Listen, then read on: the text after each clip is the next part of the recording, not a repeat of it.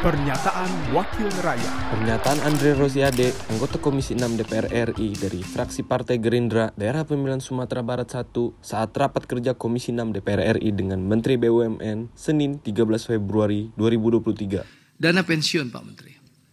Saya rasa dana pensiun ini perlu shock terapi.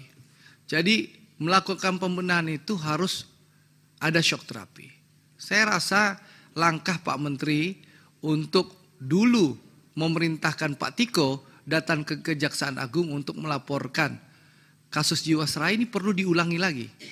Ya, di kasus dana pensiun. Banyak sekali dana pensiun yang merugikan merugikan karyawan. Contoh saya kasih contoh.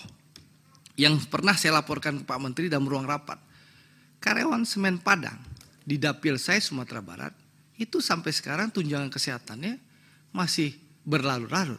Bahkan harus dibawa ke pengadilan ya ke pengadilan. Padahal Semen Indonesia Group, Semen Padang, Pak Menteri bilang untung kan, 2 triliun lebih ini perusahaan sehat, perusahaan besar, tapi salah kelola dana pensiun. Ini contoh yang disampaikan Pak Menteri tadi. Mereka umur 70, tunjangan kesehatan nggak dibayar. Ya mungkin tunggu mati dulu baru dibayar. Sekarang mereka berjuang ke pengadilan. Jadi nggak ada salahnya Pak Menteri.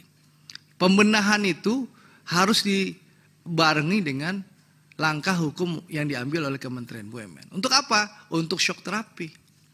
Supaya nggak main-main lagi. Kan dana pensiun ini kan triliunan. Satu BUMN bisa ngelola triliunan. Mungkin lebih gede duit pengurus dana pensiun daripada mainannya direkturnya. Gitu loh. Ini kan fakta. Pernyataan Andre Rosiade, anggota Komisi 6 DPR RI dari fraksi Partai Gerindra, Daerah Pemilihan Sumatera Barat 1, Produksi TV dan Radio Parlemen, Biro Pemberitaan Parlemen, Sekjen DPR RI. Pernyataan Wakil Rakyat